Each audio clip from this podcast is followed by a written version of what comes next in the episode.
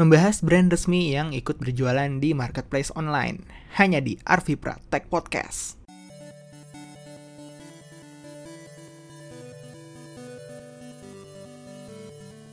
Iya, iya ya gue tahu ini hari Kamis dan baru rilis podcast. Soalnya baru beres review Samsung Galaxy A9 yang ada empat kamera itu. Harusnya ya nanti sore atau enggak besok muncul di gadget gaul. Mungkin kalau misalkan apa namanya? Uh,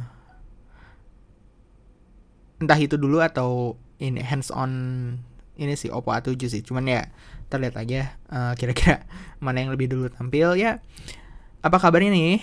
Uh, cuaca di Jakarta kayaknya lagi bangsat-bangsatnya ya. Lagi lagi nggak jelas lagi sering hujan terus tiba-tiba panas lagi terus hujan lagi gitu kan. Beberapa temen gue juga ada yang ikut sakit. Dan gue juga cuk uh, ini ya kena flu. Jadi ya uh, jaga kondisi jaga kadar makan kalau sakit cukup bete juga ya karena beberapa pekerjaan jadi kepending gitu. Hmm, sebelum bahas topik minggu ini kita seperti biasa baca ini update berita dulu.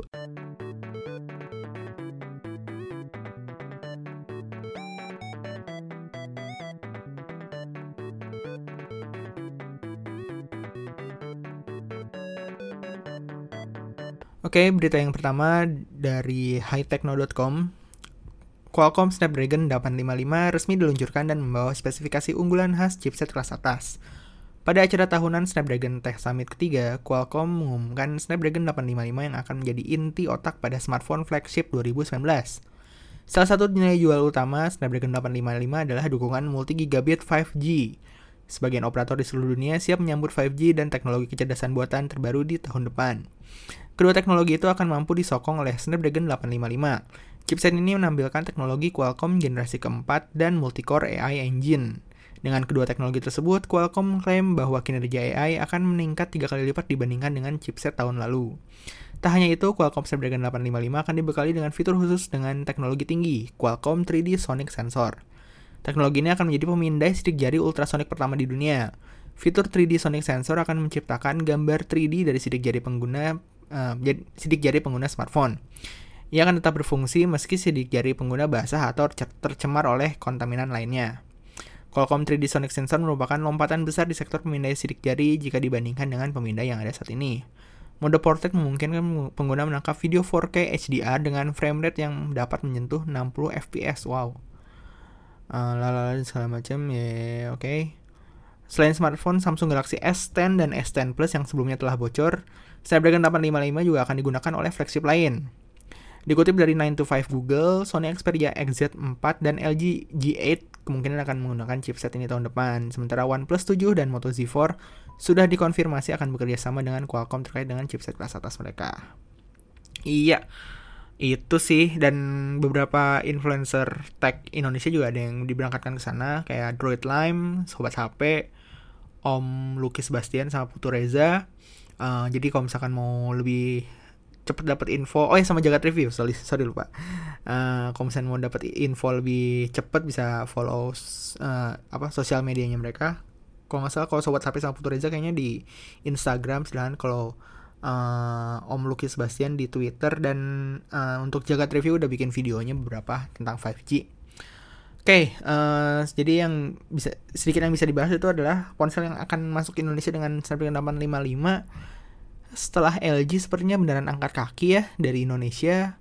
Berarti nggak mungkin LG G8 G8 akan muncul di sini menggunakan Snapdragon 855 yang paling besar kemungkinannya yang satu Asus. Asus sampai sekarang masih uh, apa namanya setia meluncurkan seri flagshipnya. Terakhir kemarin 5Z Zenfone 5Z terus Samsung uh, yang pasti kalau di Asia Samsung pasti nggak menggunakan Snapdragon pasti menggunakan Exynos 9820 jadi bukan Snapdragon 855 lalu selain itu apa lagi ya yang Xiaomi kayaknya nggak mungkin deh bawa flagship. Nggak mungkin bawa eh kayaknya ya Xiaomi, Xiaomi kayaknya belum tentu bawa flagship. Mungkin yang paling dekat mungkin Oppo kali atau Vivo ya. Vivo kayaknya belum Vivo belum belum pernah ngeluncurin flagship di sini sih cuman uh, dengan hadirnya Vivo V11 Pro kayaknya cukup berani gitu mereka mengedepankan spek gitu kan. Kalau Oppo sih Oppo sih mungkin mungkin aja kan terakhir juga mereka sempet ngeluncurin Fine 10 ya eh Fine X Fine X dan terkait 5G ya berarti ini udah mulai ya. Uh, 2019 atau mungkin 2020 mungkin sudah banyak 5G smartphone 5G yang beredar. Uh, kemungkinan besarnya sih rumornya rumornya di Indonesia sendiri mulai dari tahun 2022 akan mulai 5G jadi belum masih masih tahap proses uji coba sekarang sih. Belum ada lelang frekuensi belum ada segala macamnya. Persiapannya dan regulasinya juga belum ada. Jadi katanya sih rumornya sih paling cepet 2022 gitu. Jadi ya ya mungkin kalau misalnya kalian mau beli HP tahun 2020 2021 kayak jangan deh. Ntar pas waktu 2022 harus ganti HP lagi kan namsyong gitu oke. Kita lanjut ke berita kedua. Ya dari kabarmedan.com Asus Zenfone Max Pro M2 makin tangguh dengan Gorilla Glass 6 pada 11 Desember 2018 akan menjadi tonggak sejarah baru untuk pasar mobile game di Indonesia. Pada tanggal itu, Asus akan meluncurkan smartphone barunya yaitu Zenfone Max Pro M2 sesuai yang dengan namanya.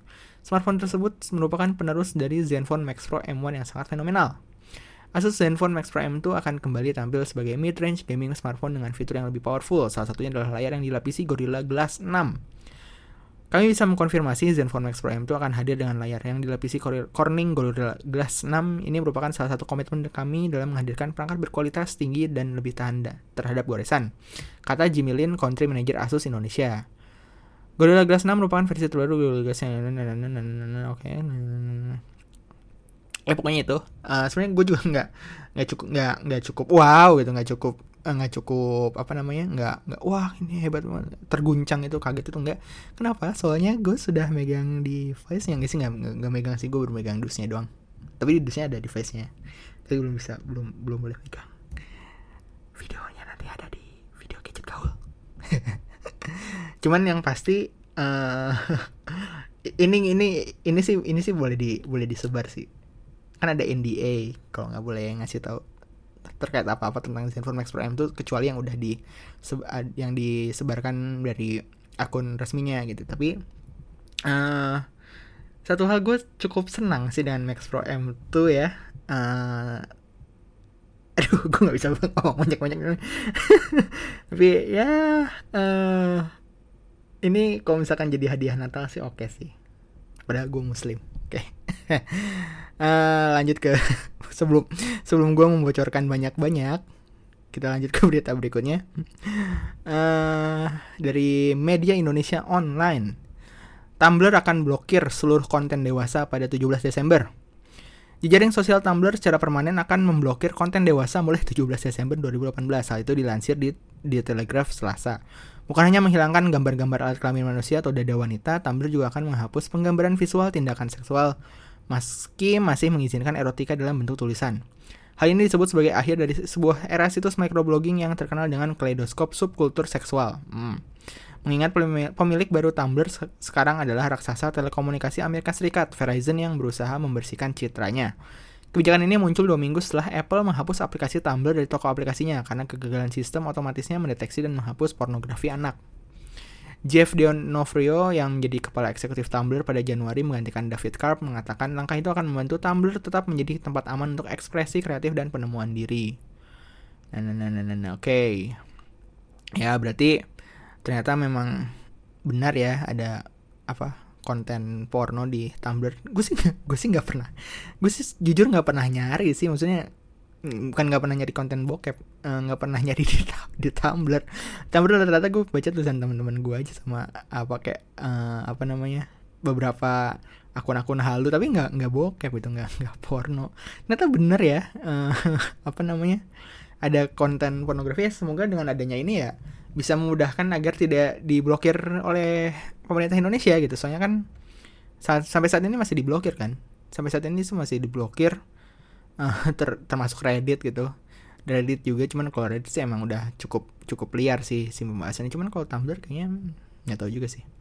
Ya harusnya dengan adanya kebijakan ini ya satu bisa dibuka sih di Indonesia lagi gitu. Karena si pihak Tumblrnya udah mulai bersuara juga. Cuman ya apakah ini uh, tidak sesuai dengan uh, apa namanya uh, free will atau hak bebas hak berbicara dan segala macam hak mengumumkan pendapat ya gue juga nggak tahu. Tapi siapa sih yang nyari nyari konten porno di Tumblr men? Maksudnya di, dari sekian banyak situs yang ada gitu dan uh, kemungkinan untuk mendownload file yang ya benar sih baja itu bajakan sih maksudnya walaupun lu bisa beli gitu di di toko-toko di, di luar negeri kayaknya lebih gampang lah di, buat beli-beli apa namanya DVD DVD bokep gitu. Cuman ya dari sekian banyak akses untuk untuk untuk untuk apa uh, memuaskan uh, memuaskan hasrat pribadi kenapa kenapa harus dari Tumblr sih? Tanyaan gue sih itu. Cuman ya ya udahlah. Ya mungkin ada ada yang ada yang fetishnya di situ kali oke okay, ya berita tadi gue baca dari aplikasi Kurio sebuah aplikasi one stop news untuk mencari berita-berita terkini dan menarik yang diambil dari berbagai sumber terpercaya. Selain berita, ada juga audio podcast dari berbagai topik seperti agama, keluarga, olahraga, komedi, konsultasi, dan masih banyak lagi.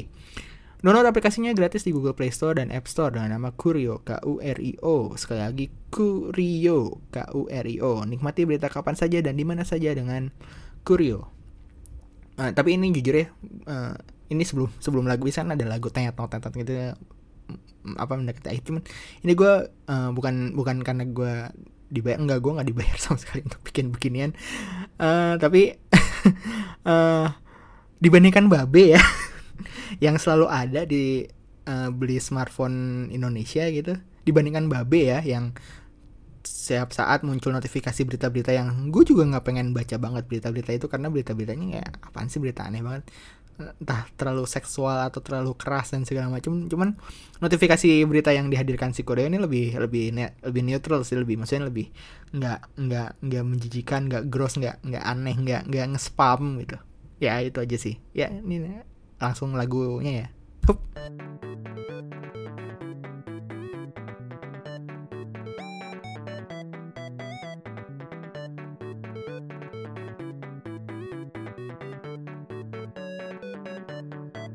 Oke, kita masuk ke mm, pembahasan minggu ini. Uh, ya kayaknya apa gue doang atau asik ini ini ya penyakit orang netizen. Uh, ini cuma gue doang atau gimana yang cuma ngerasainnya tapi uh, gue sih ngerasa tiga tahun terakhir ini ya animo Harbolnas hari belanja online nasional bukan hari bolos nasional itu cukup turun ya dibandingkan eh enggak maksudnya bukan tiga tahun maksudnya tahun tahun ini tahun ini tuh Harbolnas Harbolnas tuh enggak biasa-biasa aja gitu dibandingkan beberapa tahun lalu gitu.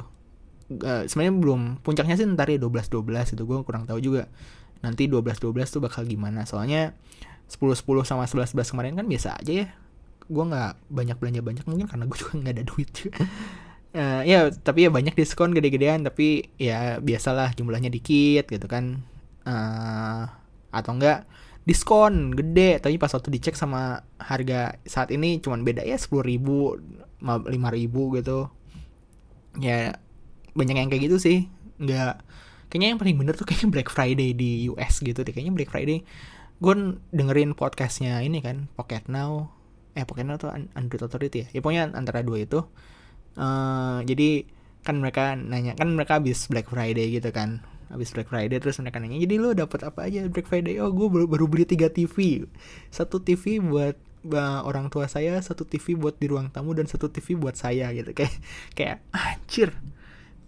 Langsung bisa maksudnya kayak kayak beli tiga TV dan tanpa mikir gitu. Kayaknya diskonnya ya cukup menarik gitu dan nggak nggak dan pasti cukup jauh dengan harga retail pada umumnya gitu dibandingkan apa uh, di sini kalau di sini kayak diskon 60% tapi pas waktu dicek ya ini mah dia uh, misalnya produk tahun dua tahun yang lalu atau dua tahun iya setahun yang lalu gitu diskon 60% tuh emang dari harga pertama kali rilis gitu. Padahal semakin apa namanya? semakin lama kan harganya semakin turun.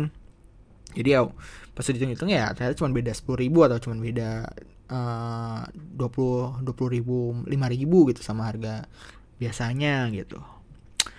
Kalau kata bokap gue sih ya makanya jadi kaya. Biar kalau beli barang tuh nggak usah nunggu diskon. ya untuk ini gue belum mau bahas terkait har Harbolnas sih. Ya belum ngecek juga kira-kira ada yang oke okay dibeli atau enggak. Gue belum belum ngecek. Tapi ada kaitannya soal marketplace online. Jadi dulu waktu SMA gue sempet jadi reseller. Ya sebenarnya kayaknya bukan bukan reseller sih bukan reseller tapi lebih tepatnya disebut broker jadi teman-teman gue cari barang uh, teman-teman gue pengen beli ini entah itu buat dia buat kado buat apa buat apa yang uh, dan karena gue juga tinggalnya di Bandung ya jadi kan di Bandung opsi untuk membeli barang itu nggak terlalu banyak kayak di Jakarta gitu yang uh, di Jakarta ada misalkan katakanlah ada Roxy ada Mangga Dua dan segala macam yang untuk nyari barang-barang yang aneh tuh bisa dengan mudah gitu. Karena uh, distribusinya langsung dari dari luar ke Jakarta gitu kan. Dibandingkan di Bandung jadi banyak yang teman-teman gue cari barang-barang yang jarang ditemuin di Bandung terus ya udah gue cari di FJB Kaskus uh, eh, gue kasih tahu harganya plus fee gue gitu. Jadi kayak gue nambah-nambahin dikit ya kan ya salah gitu. Ya namanya juga broker. Terus ya itu habis itu gue urus semuanya dari pemesanan transaksi dan pengirimannya gitu. Ya cukup dapat duit banyak sih. Yang akhirnya kebuang buat pacaran ngeband dan nongkrong nongkrong mulai dari apa ya waktu itu headphone yang ada bintangnya tuh apa tuh mix style gitu namanya yang ada logo bintangnya gitu. Ya, dulu sih keren sih dulu dulu ngerasa kayak wah ini oke okay nih soalnya warna yang disediakan juga bagus-bagus itu kan lucu-lucu dan segala macem. Jadi walaupun itu KW satunya itu KW satunya itu masih oke okay lah masih masih walaupun suaranya jelek tapi si uh, dis apa kualitas kualitasnya tuh cukup oke okay lah gitu. Kalau dipakai jalan-jalan tuh nggak malu-maluin banget lah. Dan masih dikit juga kan orang yang pakai tapi pas waktu udah mulai banyak counterfeitnya gitu kan yang KW2, KW3 dan segala macamnya gitu yang warnanya makin gak jelas itu ada yang pucat lah ada yang warnanya pelangi atau gimana namanya secara estetik nggak bagus lah gitu kan. Ya baru deh itu kelihatan warak gitu. Itu gue mengakui itu. Pas waktu awalnya sih bagus-bagus aja pas waktu ke sini ke sini udah mulai jelek terus selain itu juga sempet uh, order game komputer bajakan ya game PC bajakan. Masih dulu kan internet masih susah gitu. Kalau tahu internet udah gampang kan ya bukan beli beli game ori tapi download torrent. Terus dijual. Uh, enggak sih jadi dulu sempat waktu kan internet masih belum segampang sekarang gitu. Jadi uh, buat beli game komputer itu pilihannya itu ya entah beli di mall atau beli di toko-toko yang udah cukup gede dan tapi toko-toko yang cukup gede pun harganya masih mahal gitu kata. Bisa dari 25.000 per keping atau misalkan contoh 15.000 per keping gitu kan. Kalau di ada berapa di, di mall-mall besar tuh biasanya sampai 50.000 per keping dan itu tuh kayak mahal banget.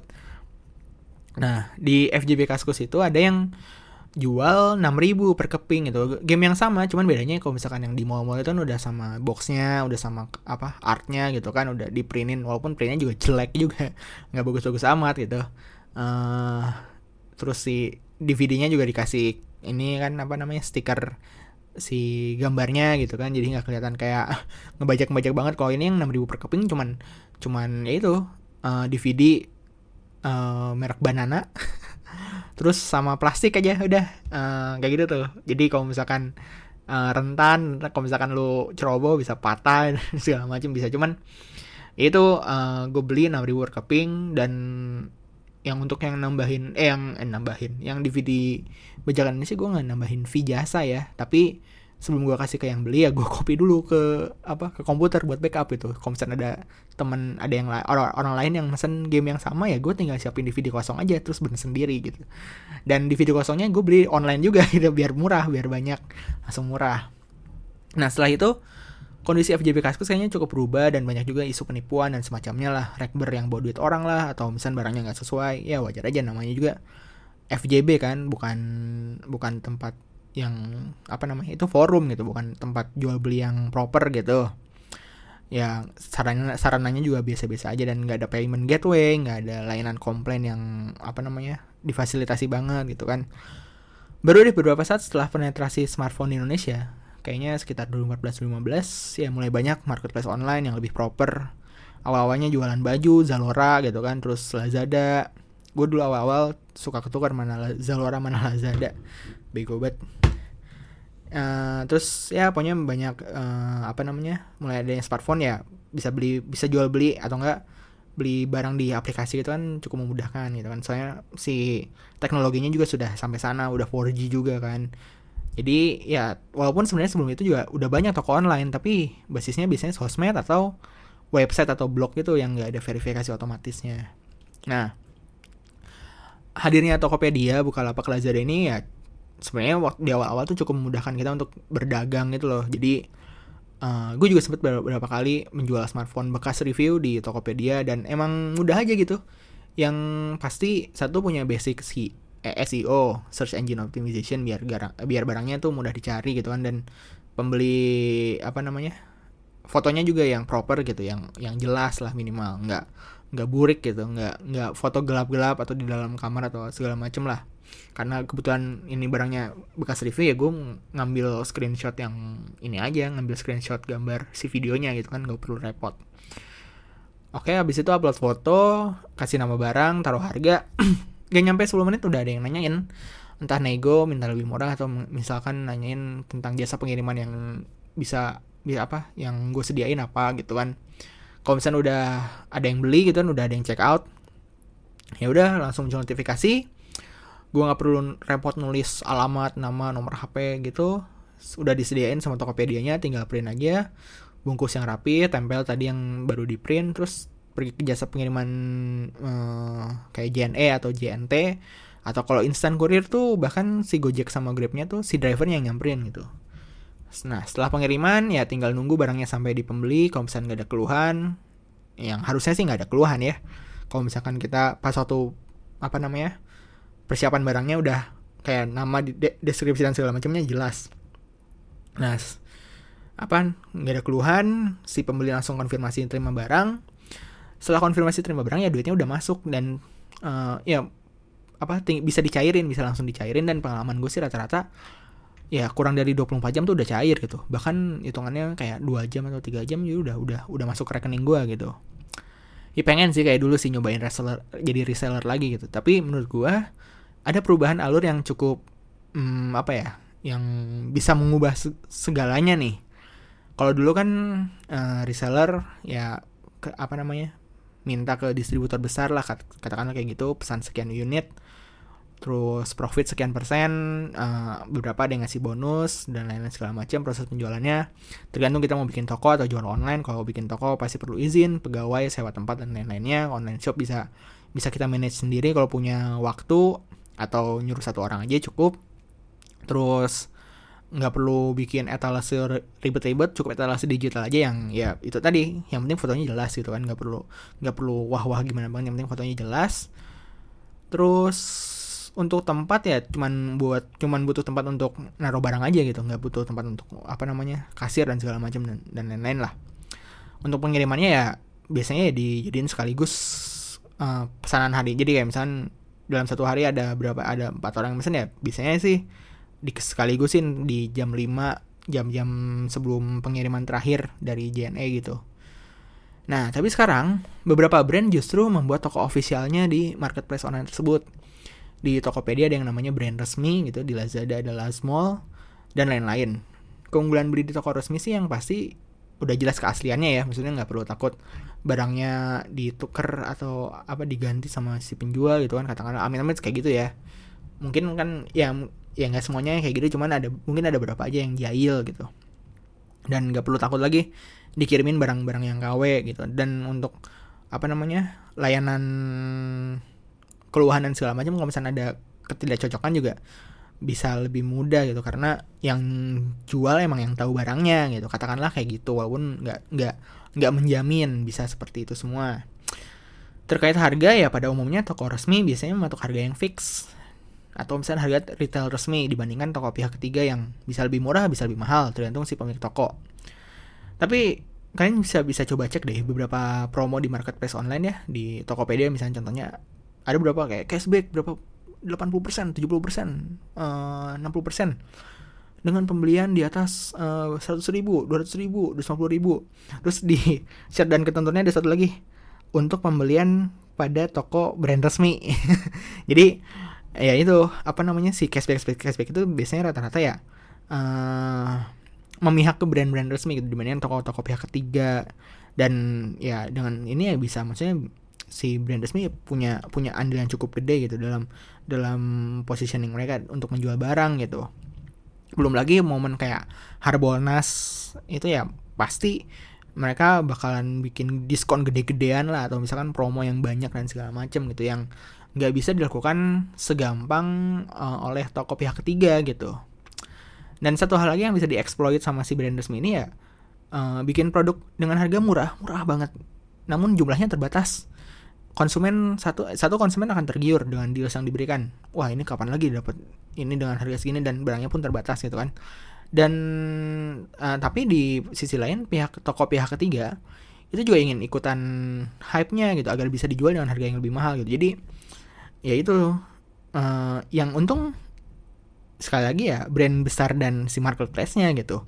Uh, ya, sebenarnya ini sempat gue ceritain juga di apa episode yang bahas tengkolak gitu gue lupa judul eh nomor berapa. Cuman ya sempat ini gue bahas juga yang yang menang besar ya bukan si tengkolak atau bukan siapa-siapanya tapi ya si marketplace dan brandnya ini gitu. Karena uh, mereka nggak perlu lagi ribet untuk menjual barang banyak dan semuanya udah ada marketnya dan langsung dibeli dan habis dalam sekian sekian menit gitu seperti itu. Contoh-contohnya ya ya gampang lah flash sale smartphone gitu kan atau aparel hype beast kan rata-rata kayak gitu kayak gitu juga tuh uh, barang-barang limited edition uh, yang beli tuh nggak cuman nggak cuman konsumen tapi toko pihak ketiga pun ingin ikutan beli gitu untuk bi biar bisa dijual dengan harga yang lebih mahal gitu jadi persaingannya lebih ketat. Nah, mungkin ini ya yang bikin beberapa orang pendapat jika pertumbuhan ekonomi berkurang. Gue nggak bilang ini uh, apa namanya pertumbuhan ekonomi benar-benar berkurang. Ya, ada kan adalah isu-isunya dan segala macam ya. Apa ada pejabat ke Mangga Dua sepi gitu atau ke mana ke mall sepi gitu dan segala macam. Uh, ya brand bisa menjual langsung ke konsumen tanpa uh, harus satu uh, terka apa terhubung dengan toko-toko yang kecil gitu toko-toko pihak ketiga atau membuat toko sendiri gitu. Karena bisa bisa melalui marketplace online mereka bisa menjual barang mereka dengan mudah gitu kan.